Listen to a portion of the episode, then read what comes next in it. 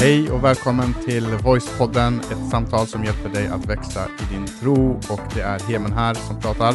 Hallå, hallå, Irena här också. Eh, hoppas du mår bra du som eh, lyssnar. Eh, I eh, den här veckan så startar vi ett eh, helt nytt tema som vi är jätte, jätte uppspelt över för att det här är liksom ja, men vad ska, ska man säga, typ något av det bästa man kan känna till egentligen. Faktiskt.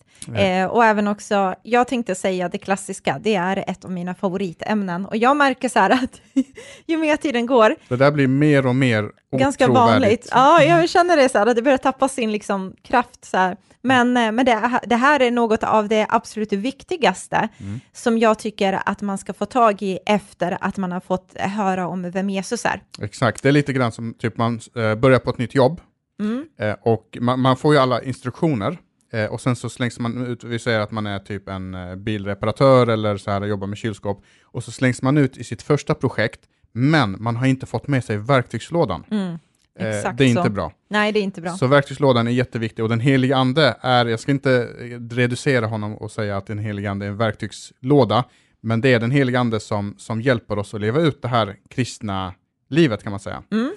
Eh, och, så det är ett, ett jättespännande och jätteintressant tema. Eh, och, men innan vi går in och hoppar in på det så ska vi ju läsa en recension som vi har eh, fått in från en av våra fantastiska lyssnare. Jajamensan. och då är det en som eh, har ett användarnamn som heter Tråle.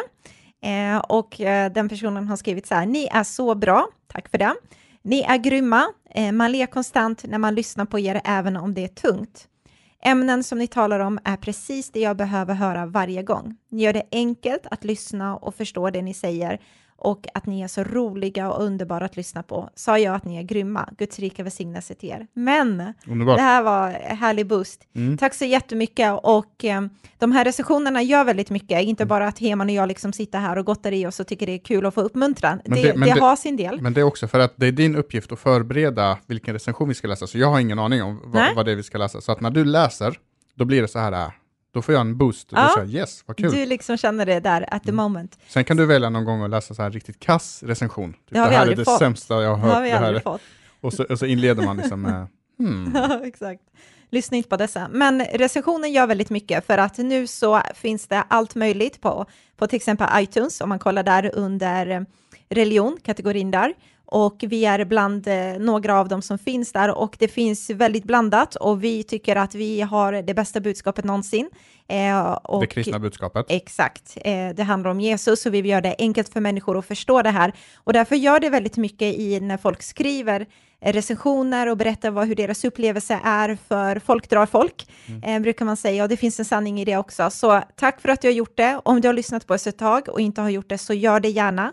Eh, och du kan även göra det på de andra liksom, enheter eller kanaler som det heter också, va? Visst är det så? Ja, där man, kan, man kan göra det på Facebook, men Mm. eh, många andra har inte den funktionen, tyvärr, än Ja. så länge. Okej. Men tack för att du gör det. Mm. Jättetack. Eh, nej men det, det har ju precis varit påsk eh, Mm. och eh, när Jesus gick här på jorden så gjorde han ju massa bra eh, grejer.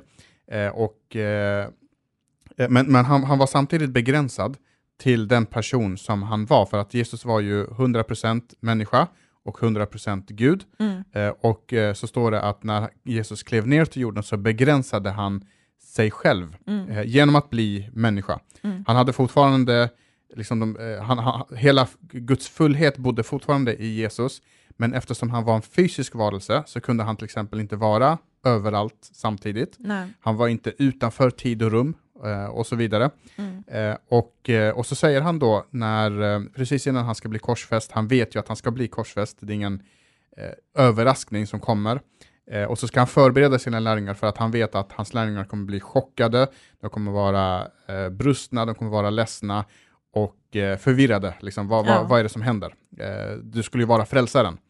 Eh, och då säger han eh, de här orden till sina lärjungar. Jag tänkte vi skulle inleda hela temat med eh, den här bibeltexten i Johannes evangeliet kapitel 16 och vers 7. Eh, där det står så här. Men jag säger er sanningen. Det är bäst för er att jag går bort, för om jag inte gör det kommer inte hjälparen till er. När jag har gått bort ska jag sända honom till er. Exakt. Så han säger så här att jag har varit här, att, och, liksom, och, och, gjort, och visat liksom alla dessa mirakler. Jag har undervisat er, jag har visat hur man kan leva ut sitt liv på bästa möjliga sätt, Mm. eh, hur man är en god människa och alla de här sakerna. Men eh, jag är bara begränsad till er och det är bättre att jag går bort, för när jag går bort då kommer jag sända er hjälparen, Mm. den helige ande, Guds egen ande, Jesus egen ande, Mm. som kommer kunna hjälpa inte bara den här begränsade gruppen av människor, utan den helige ande kommer kunna vara överallt, över hela jordklotet och hjälpa människor eh, samtidigt. Precis. Så det är eh, det löftet som lärjungarna fick där och det var ju det att de skulle sätta sitt hopp till där efteråt också. Så frågan är, vem är den här hjälparen? Du nämnde det lite, heligande, Jesus Guds ande och vi ska utforska nu, vem är din heligande?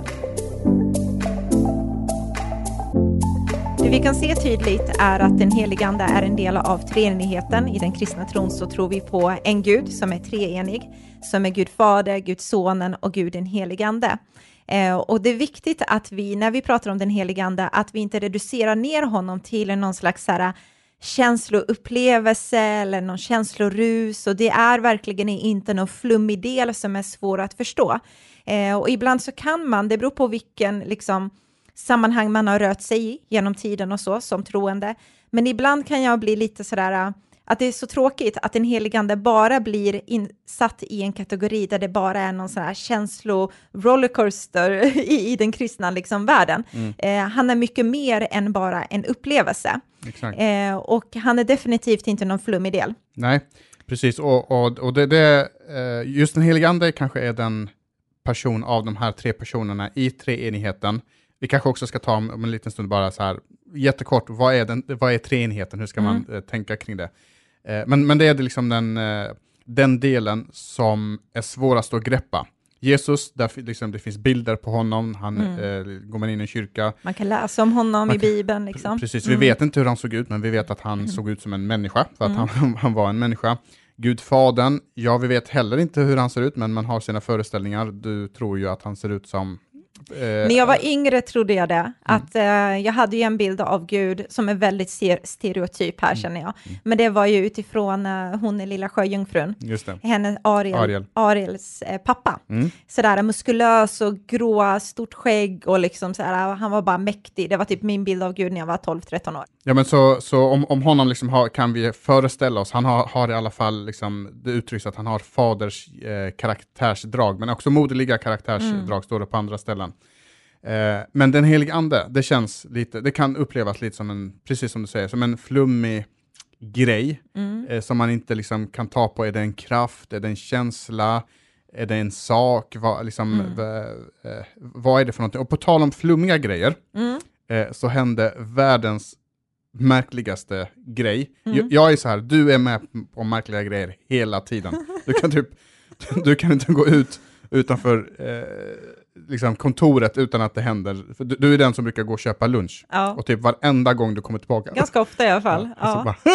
bara, vet du vem jag träffar? Vet du vad som hände? Vet du vem jag träffar? Det är lite kul, det har blivit en grej i vår familj, typ när jag till och med lämnar bilen och du och Juvelina sitter kvar i bilen och jag ska handla något så kommer jag tillbaka och bara, vet du vad som hände? Mm. Vet du vem jag såg? Vet du det här? Antingen så händer det grejer, Det eller, är så. eller så är det så att du bara är bättre än alla andra på att tycka att allting extraordinärt och häftigt. Och. Nej, det händer faktiskt grejer, Ja. men det är så. Men hur som helst, den här gången så hände det mig en grej. Och som sagt, det där är väldigt ovanligt. Jag är så här, äh, mitt hjärtslag slår i, så här, äh, du du det är bara- slår i takt. det är bara ett, en, en jämn takt, det, är liksom inga, det händer inget liksom. Nej.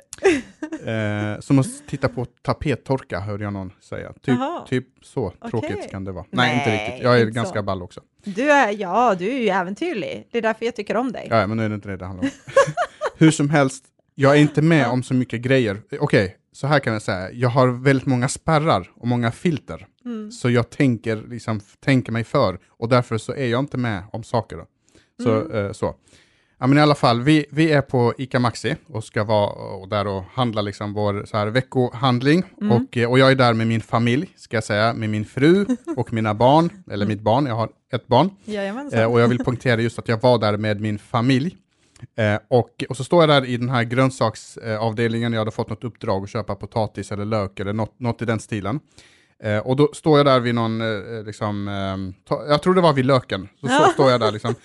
Och sen så tittar jag till, till vänster om mig, och där står en person, en man, som, som ser ut att heta typ något i stil med Greger eller Bengt eller något, något Eller i den stilen. Kenneth eller sådär. Ja, no, någon Ja. som typ så här, tänk dig typ en person som är ute på affärsresa.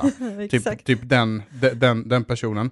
Och så tittar jag och så står han där, men grejen är att han, samtidigt som jag tittar på honom så vrider han också huvudet och tittar på mig. Och våra ögon möts.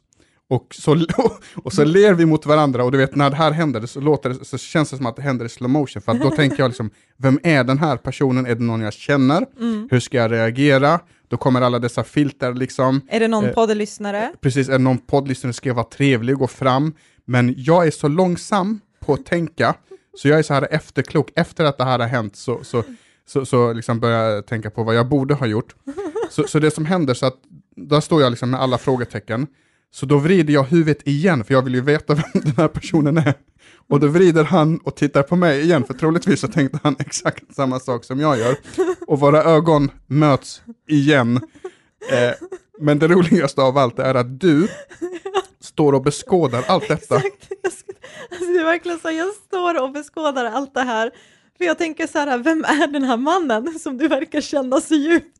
För att jag har aldrig sett dig liksom le, ja du låg, låg första gången för att vara trevlig, men det, det, det, speciella med det här var att för... du vände dig igen och så bara storlog du med ditt liksom flin så här och jag bara Det där var mitt sätt att hålla gapflabbet Alltså, inne. jag tänkte så här, för mig var det en som moment, jag var så här, är det nu du ska berätta, vem, så här, älskling, det här är Greger, eller liksom, alltså det var verkligen, det var en så speciell känsla, jag kommer aldrig glömma det, det var, i, det kändes liksom i luften, och jag tror den här mannen var lika förvirrad som vi var, och han liksom gick iväg Ja. därifrån. Och jag bara, du vi, vi tar Ja. ett varv runt butiken, vi Ja. hittar, tittar på, på någonting annat. Men grejen var, när du sen tittade på honom lite längre bort så såg du hur han också skrattade och tyckte Ja, att det där han var... måste ha tänkt, vad var det där som hände? Det var Mm. så himla roligt, och på tal om flummighet, det där var det flummigaste jag varit med om, tillsammans med dig faktiskt. Det var väldigt Det flummigt var- för att vara jag, någon som tittar, Ja. lyssnar på det här kanske inte tycker att det där är så flummigt, det händer det varje dag,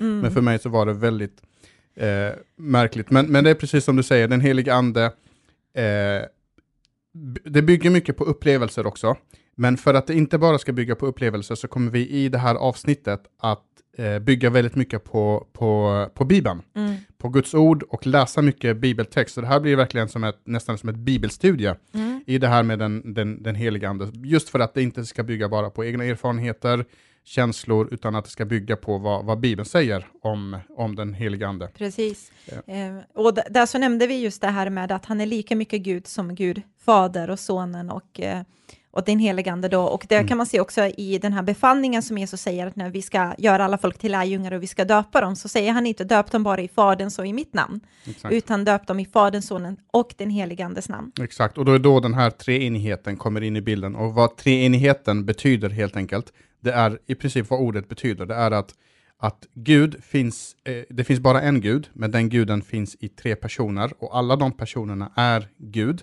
men de personerna är inte varandra. Mm. Så eh, ett sätt att förklara på det är eh, att, att eh, Jesus är Gud, den helige ande är Gud, Gud Fadern är Gud, men Gud Fadern är inte den helige ande, den helige ande är inte Jesus, utan de är distinkta personer, men samtidigt är allihopa Gud och de är ett samtidigt. Ja. Eh, och där i det så sa jag precis en motsägelse, och det finns inget annat sätt att beskriva det på än att bara acceptera att det är på det sättet det är. Mm. Jag vet att det är många som har försökt likna det vid att eh, ja, men Gud är som vatten, vatten finns i två olika, eh, tre olika eh, former. Det är gas, eh, flytande och, och is. Mm. Eller som ett mynt, den har tre sidor, ovansidan, undersidan och så, och så kanten. Mm. Eh, alla de bilder brister på ett eller ett annat sätt, för att sanningen är att treenigheten är en logisk motsägelse.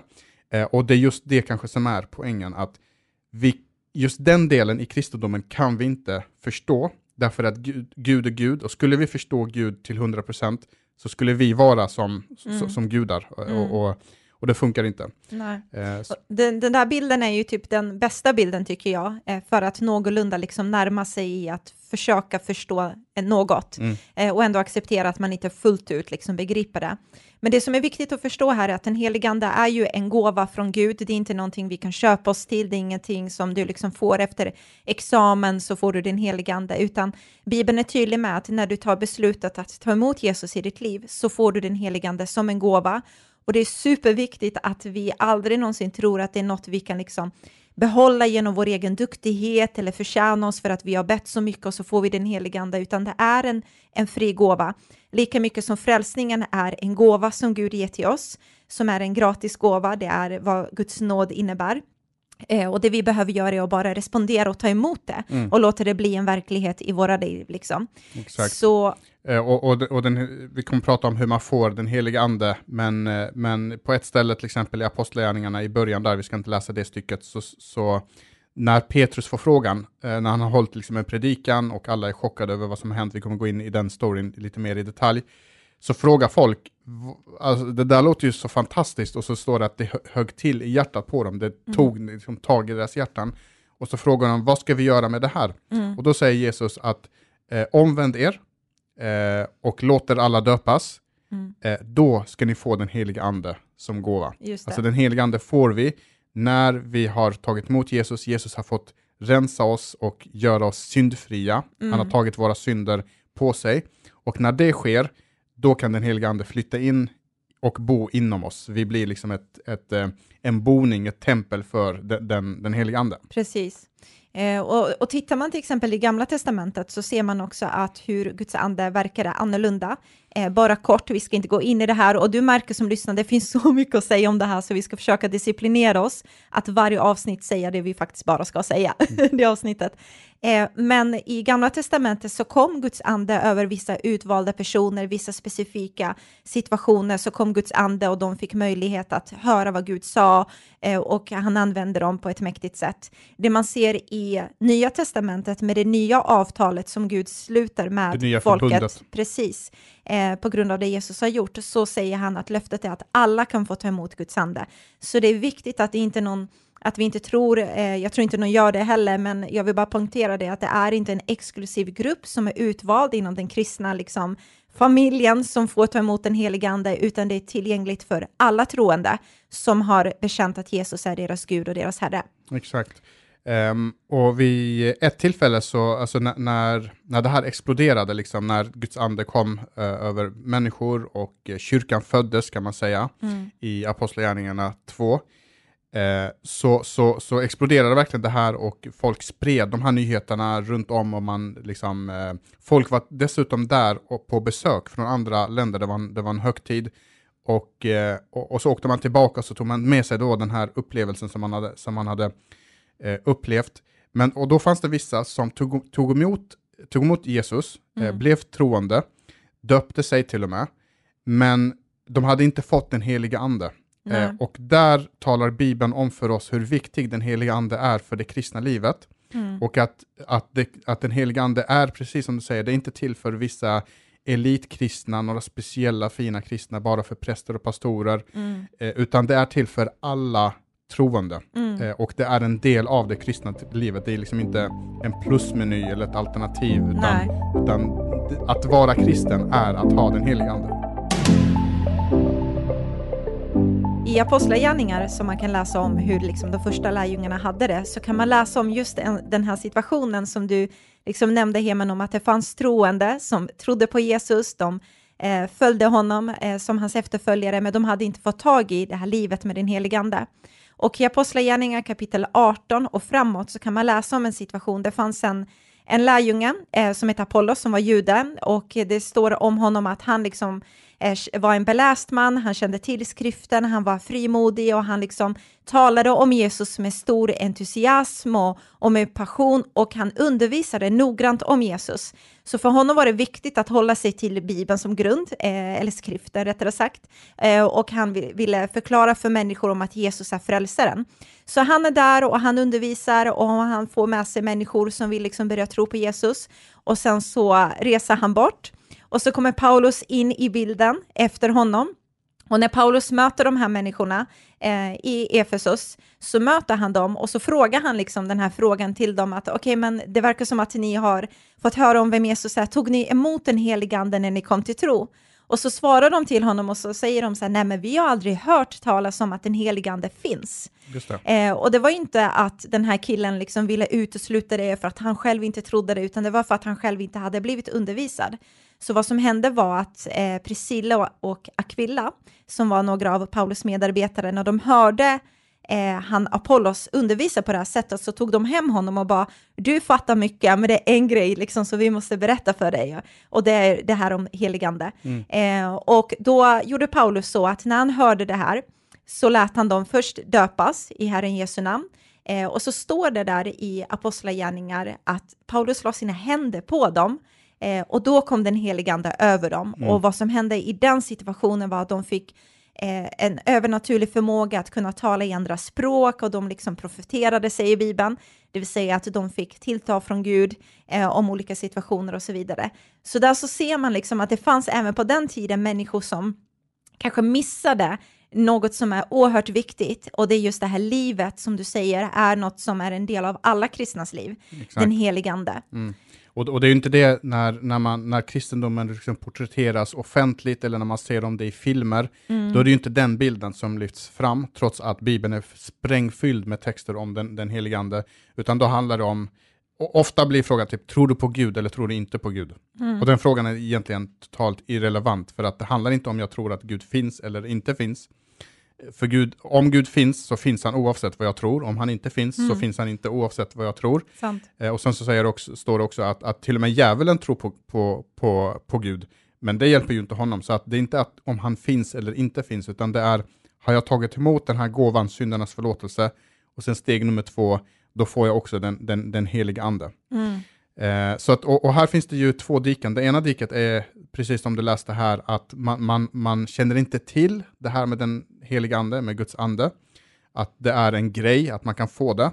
Eh, och man lever sitt liv utan liksom, den heliga ande och livet kan bli ganska eh, torrt och mm. eh, jobbigt och kämpigt och man, man kan se människor runt omkring sig göra alla dessa upplevelser och de är med och de, de liksom berättar hur, hur fantastiskt det är att vara kristen, men man själv förstår inte riktigt vad är det liksom ni, mm.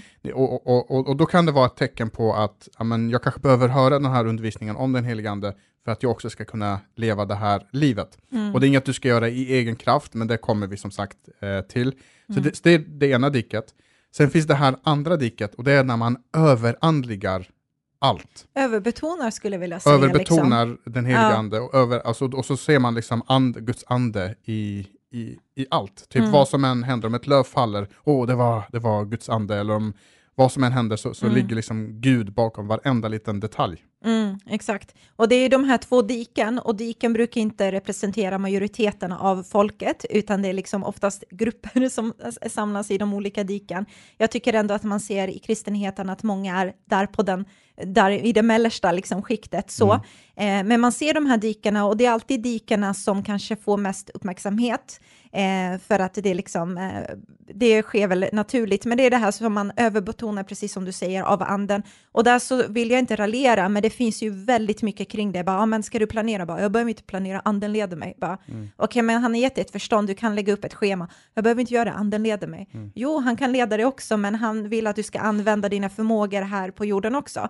Och även också det där att man underbetonar, och det är väl det som jag kan känna att det, det känns tråkigt, att man missar det här livet tillsammans med Gud, att man lever som om den heligande inte existerar. Så du vet om att din liksom evighet är säkrad, du tror på Jesus, men din vardag är precis likadan som grannens. Mm. Eh, du känner att din självbehärskning eller kärleken till medmänniskor eller eller mildheten i, liksom, i, i dig som person, att det, det finns inte där. Du är exakt likadan som grannen, liksom, ser mm. ingen större förändring. Och det är där som Jesus tänker så här, du behöver inte navigera det här jordiska livet själv, utan jag vill sända dig en hjälpare, för jag vet att liksom, den här världen är inte så som jag har tänkt, och det är därför du behöver hjälparen, den helige Ande. Exakt. Jag ska bara också lägga till eh, eh hur, hur här, den här överbetoningen också kan se ut, det är att, att hela det kristna livet blir att det ska, det ska kännas hela tiden. Man ska göra upplevelser, man går på Mm. gudstjänster och så går man till konferenser och så är man med på den ena lovsångsgrejen eh, efter den andra eller så är man med på någon eh, tyst retreat för att nå någon grej där. Och många av de här grejerna är bra, eh, men, men den heliga ande är inte där för att ge mig gåshud. Eh, han är inte där för att ge mig någon, något känslorus, utan, utan det är någonting helt annat. Och vad den heliga ande gör, det kommer vi prata om eh, lite längre Mm. fram. Men jag skulle säga, precis som du säger, att den stora skillnaden i den kristna liv sker just när man får ta emot den heliga ande, alltså Mm. det här före och efter. Precis, och det är därför jag tycker det är bra att vi har det här temat, för att vi behöver få liksom en sund och en biblisk förståelse av vem den helige Ande är, och det är därför vi ska liksom haka oss in i det här temat. Liksom. Men precis som du säger så är ju så det är. Eh, det är först när man tar emot den helige Ande som den stora förändringen är. Eh, och där, där ser man också hur Jesus sa till lärjungarna med det här löftet om att vänta nu, gör ingenting, håll inte på nu och hitta på egna strategier och egna liksom, grejer, utan lämna inte Jerusalem, säger Jesus i Apostlagärningarna kapitel 1. Och så säger han till dem, utan vänta nu på vad ni har fått, liksom, eh, ett löfte om. Fadern har lovat att ni kommer eh, få den helige Ande, ni kommer bli döpta i den helige Ande, och när ni får den helige Ande, då kommer ni också få kraft eh, att vittna om mig och ni kommer få kraft att kunna få leva det här livet som, som ni är skapta för till exempel. Mm. Eh, så lärjungarna, det man ser med dem är, jag tycker det är spännande för när man tittar så där innan de fick tag i den helige ande, de fick ju se allt med Jesus. Mm. Alltså de var med och de liksom fick vara med om att se när Jesus helade någon och någon blev eh, upprättad och eh, de fick se miraklerna rakt framför sina ögon. De blev uppväckt från, från, från de döda. ja, Eh, och, och, det har, och det har jag tänkt på, typ att eh, när jag var ny i tron så tänkte jag så här att, alltså, när jag läste Bibeln och, och de tvivlade och så här, alltså hur kan ni tvivla? Ni ser ju rakt, rakt Framför framför ögonen. er. Ja. precis. Eller när någon säger om jag bara får se så kommer jag tro. Mm. Men deras liv är ett bevis på att bara för att vi ser så tror vi inte. Mm. Synen är bara ett av våra, eh, om det är fem eller sex sinnen eller vad, vad vad nu är. Mm. Eh, och, eh, och, och våra ögon kan, kan lura oss. Eh, och, och de fick vara med om alla dessa upplevelser, men ändå var de fyllda av tvivel. Och när Jesus gav dem då de här orden att gör ingenting, lämna inte Jerusalem, utan vänta på det som Fadern har utlovat. Eh, för, för, för ni har blivit, eh, när han kommer, då kommer han döpa er i den helige ande. Mm. Och sen så fortsätter texten, och när den helige ande kommer, Mm. då kommer ni få kraft. Då kommer Mm. kraft komma över er för att ni ska kunna leva det här kristna livet, eh, för att vi ska kunna vara hans vittnen och göra det som han har eh, befallt oss. Men innan det så är det precis som du säger, de var rädda, de hade Mm. låst in sig i ett rum. Men det intressanta med det var att Jesus var ju uppstånden Mm. eh, och han visade sig för dem, så de visste om att till och med han lever idag. Alltså han, han är uppstånden och ändå var de fyllda av rädsla för att bli till, säkert fängslade eller så. Så de Exakt. var i det här rummet som du pratade om. Precis, och Jesus bad dem aldrig typ så här, nu får ni sluta vara rädda, Mm. nu går ni ut och gör som jag säger, utan han, han väntade tills, typ vänta tills du får verktygslådan Mm. innan du går till det här, till- till ditt, eh, det här första uppdraget. Och sen så hände ju just det i Apostlagärningarna kapitel 2. Eh, jag skulle rekommendera alla att läsa just Apostlagärningarna kapitel 1 och kapitel 2. Det är en riktigt häftig berättelse. Eh, och de är, de är alla samlade, de är rädda eh, för att bli, få liksom ett samma öde som Jesus fick, bli dödade och korsfästa. Mm. Eh, så de har låst in sig, men rätt vad det är så hör de ett dån och så, och så kommer den heliga ande över dem. Men vi skulle kunna läsa Mm. Apostlagärningarna kanske, så, har vi, så kan, kan vi känna liksom att vi har gjort det, vi har koll på den texten. Ja. Apostlagärningarna kapitel 2 kan vi läsa från vers 1. Då står det så här. När pingstdagen kom var de troende alla samlade. Då hördes plötsligt ett dån från himlen som en väldig storm och det fyllde hela huset där de satt. Sedan såg de något som såg ut som eldslågor och de delade på sig och stannade över var och en av dem. Och alla blev fyllda av den heliga anden och började tala andra språk som anden gav dem. Många hängivna judar från olika länder var i Jerusalem och när de hörde dånet samlades en stor mängd människor. Förvånade fick de höra sina egna språk talas. De var helt förbluffade och sa, hur kan det komma sig? De här människorna är ju alla från Galileen och ändå hör vi dem tala på våra egna språk. Vi är parter, meder och elamiter. Vi kommer från Mesopotamien, Judeen, Kappadokien, Pontus, Asien, Frygien, Pamfylen, Egypten och från trakten kring Kyrene i Libyen. Vi är besökare från Rom, både judar och proselyter, och vi är kretensare och araber. Och ändå hör vi dessa människor tala om Guds mäktiga gärningar på våra egna språk. Mm. Eh, så där så ser vi väldigt tydligt vad som händer när Guds ande kommer, så som Jesus lovade. Mm. För det första så får, så får de ju kraft, de, Mm. blir- de blir frimodiga, går ut och börjar tala om det här. Men sen så får de också det här första verktyget att kunna tala på andra språk. Mm. Eh, och har man aldrig hört talas om det så kan man tycka att det är lite konstigt eller knepigt. Men det är precis så som det står här, alltså att då, det kan ha varit en, en jude som pratade arabiska Mm. eh, och predikade på arabiska för att en arab skulle Mm. tro. Det här har hänt i modern historia. Ja, Vi, vi har vänner som har varit med om det här. Det är inte det vanligaste i, i, i världen. Eh, men det här är en av alla gåvor som, Mm. som Gud gav eh, då de här eh, människorna. Och, och det är just precis det du nämnde förut, det är just den här förvandlingen med före och efter som än Mm. idag faktiskt förbluffar forskare. För att den här gruppen av människor, de borde inte kunna Nej. funka ihop. Nej. Alltså de, de, det var så en så märklig uppsättning av människor, så olika personligheter. Eh, de förstod sig inte på varandra, de var Ja. rädda, de hade låst in sig och sen gick de, och Petrus hade förnekat Jesus, alla hade lämnat Jesus. Eh, och så gick de från det tillståndet till att starta en rörelse som idag är världens största rörelse. Mm. Och det ser man, tycker jag i alla fall, att det kan man inte förmå att göra i sin egen kraft, i att det håller genom liksom så många år, generation efter generation. Det Och finns... de gjorde inte det med svärdet, de gjorde det inte med våld, de tvingade inte på någon. Nej, precis. Eh, och eh, det fanns ju en svacka där i kyrkohistorien där, där man kanske tvingade på människor med, med tron, men det var inte så liksom budskapet spreds. Nej. Eh, och, eh, och det ser man än idag utifrån vår fria vilja så väljer människor att följa Jesus och, och ta emot Guds ande. Eh, och det som är häftigt med det här är att enkla människor som de var, att de gjorde en sån impact, ser jag i alla fall, utifrån de, precis som du ser, personligheter och deras liksom passion och icke-passion och allt vad det var, så ser man det här är ingen en liksom mänsklig eh, eh, liksom grej, utan det är verkligen ett verk av Gud. Eh, och man ser även förvandlingen som sker från insidan och det är det som är lite poängen också, att den helige ande, han vill inte bara att vi ska ha de här känslorus, utan han vill göra någonting i våra hjärtan. Han vill liksom låta det som Jesus har sagt att vi är, att vi är rättfärdiggjorda, att vi är rena och hela på insidan, att han vill plocka fram det goda i oss och är vår hjälpare i det. Och det här är ingenting man kan klistra på i egen kraft.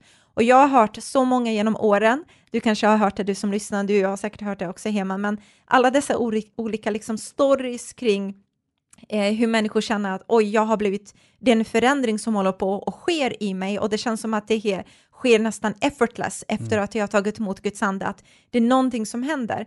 Jag hörde en kille i vår kyrka berätta, ja men förut kände jag bara hat mot de här killarna, Eh, men nu när jag möter dem på gatan så fylldes jag av kärlek och han till och med ringde det och bara, "Oj, alltså vad är det som händer med mig? liksom så här, jag, samma jag vecka känner hade, kärlek. Ja, samma vecka hade vi pratat och sa för att du ska kunna fortsätta leva liksom ett gott liv, då måste Mm. du kunna förlåta de här personerna. Nej, jag tror inte jag är redo, jag tror inte jag är redo.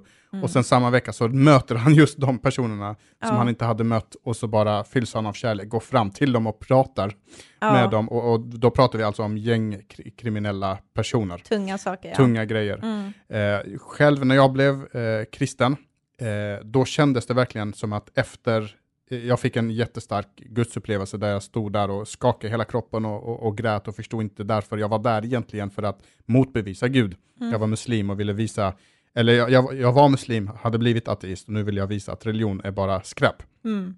Eh, Så, så jag är där och så får jag det här starka guds, gudsmötet. Och efter den stunden, plötsligt så börjar jag läsa Bibeln på ett helt annat sätt. Jag börjar Mm. titta på naturen och tycka att den är vacker. Börjar fyllas av kärlek. Jag var ett, en, eh, en tonåring med väldigt mycket ilska och hat mot vu- vuxenvärlden som bara Mm. hade liksom sett förbi när jag hade blivit mobbad och alla de här grejerna. Men plötsligt så blev jag fylld av kärlek och alla de här sakerna. Och det där är ett verk av Guds ande. Så Mm. han kommer, han tar ut vårt hjärta av sten står det och så ger han oss ett hjärta av kött och blod fyllt med kärlek och, eh, och alla de här sakerna. Så, Ja. Det är, eh, jag, jag blir så varm när jag hör liksom alla människors olika upplevelser kring vad Guds ande gör. Eh, och det är, eh, det är så vackert också, för att han får oss att bli mer och mer lika Jesus i den bemärkelsen att vi fylls av kärlek mot våra medmänniskor och vi blir mer tålmodiga och så vidare. Och det är just den här poängen som vi vill lyfta fram, att den helige ande är just kraftens ande, att han mm. hjälper oss med det. Och det är exakt det som Paulus också vill påminna en av hans lärlingar, Timoteus, där han säger liksom kom, kom ihåg nu vem det är som eh, som vem den heligande är. För att Timoteus, han var en ung ledare och han började tvivla lite på sig själv och det var en knepig situation i församlingarna. Han undrar lite så här, vågar jag steppa in? Vågar jag visa liksom, vägen framåt? Kommer de lyssna och så vidare? Och så säger Paulus de här orden till honom i andra Timoteusbrevet kapitel 1 och vers 6. Så säger han, därför vill jag påminna dig om att blåsa liv i den nådegåva som Gud gav dig när jag la mina händer på dig. Gud har inte gett oss en modlöshetens ande utan kraftens, kärlekens och självbehärskningens. Och därför så ska du inte skämmas för att vittna om vår Herre och inte heller skämmas över mig som sitter i fängelse för hans skull. Var beredd att lida för evangeliet du också, för Gud ska ge dig kraft. Mm. Um, och jag älskar den här uh, händelsen, uh, inte för att det är liksom att jag tycker det är kul att någon går igenom något tufft, men just för att Paulus faktiskt påminner Timoteus, som är en rätt så ung ledare, och säger du kom ihåg vem det är som bor i dig, att mm. Gud har inte gett dig modlöshetens ande i att du måste backa och vara krokryggad och känna att ja, jag har inget att tillföra, utan den som bor i dig är kraftens och kärlekens och självbehärskningens ande bland annat. Mm. Det här, och det här reflekterar kanske oss alla kristna, det är inte bara Timoteus som mm. behöver höra det här, utan jag tror att alla kristna, även jag, även du har varit med om det, när det kristna livet går, går över från att, att man känner sig buren av Gud, att man, det finns en, liksom, Gud är med, hjälparen är med mig, till att jag nästan glömmer bort det här och så börjar jag gå i egen kraft istället. Mm. Och då blir det tungt och då blir det jobbigt och det blir, kan bli segt och, eh, segt och torrt och så vidare. Och så påminner Paulus oss här om att vi kan faktiskt blåsa liv i det här. Det här var första avsnittet i det här temat som vi har nu om den heliga ande. Det kommer vara som sagt mycket bibeltexter och mycket undervisande på det här sättet, men jag tror att vi alla behöver det. Eh, och så kan det bli en, ett tema som vi kan komma tillbaka till och lyssna mm. på igen. Jag kommer komma tillbaka till den och lyssna igen. Precis, och sen så vill jag bara tipsa om en jätteviktig grej. Du har ju startat eh, det här med feltolkat mm. eh, och en av dina första grejer, om du inte har upptäckt det som lyssnar nu, så har du faktiskt pratat kring om det här med att häda mot den heligande. Ja, eh, och det nu... var ju förra avsnittet i, i den här podden, men det fanns, finns också som en eh, YouTube-video och mm. där lägger vi upp lite andra typer av material också. Så gå in där, gå in på vår kanal eh, Voice TV Eh, man söker på Voice TV på yeah. Youtube och så kan man prenumerera. Och prenumerera på den här podden också. Jajamensan. Så är vi tillbaka snart igen om, några, om, om en vecka. Ja. Mm, inte några, utan om en vecka. Om en vecka, ha det jättebra. Hej då.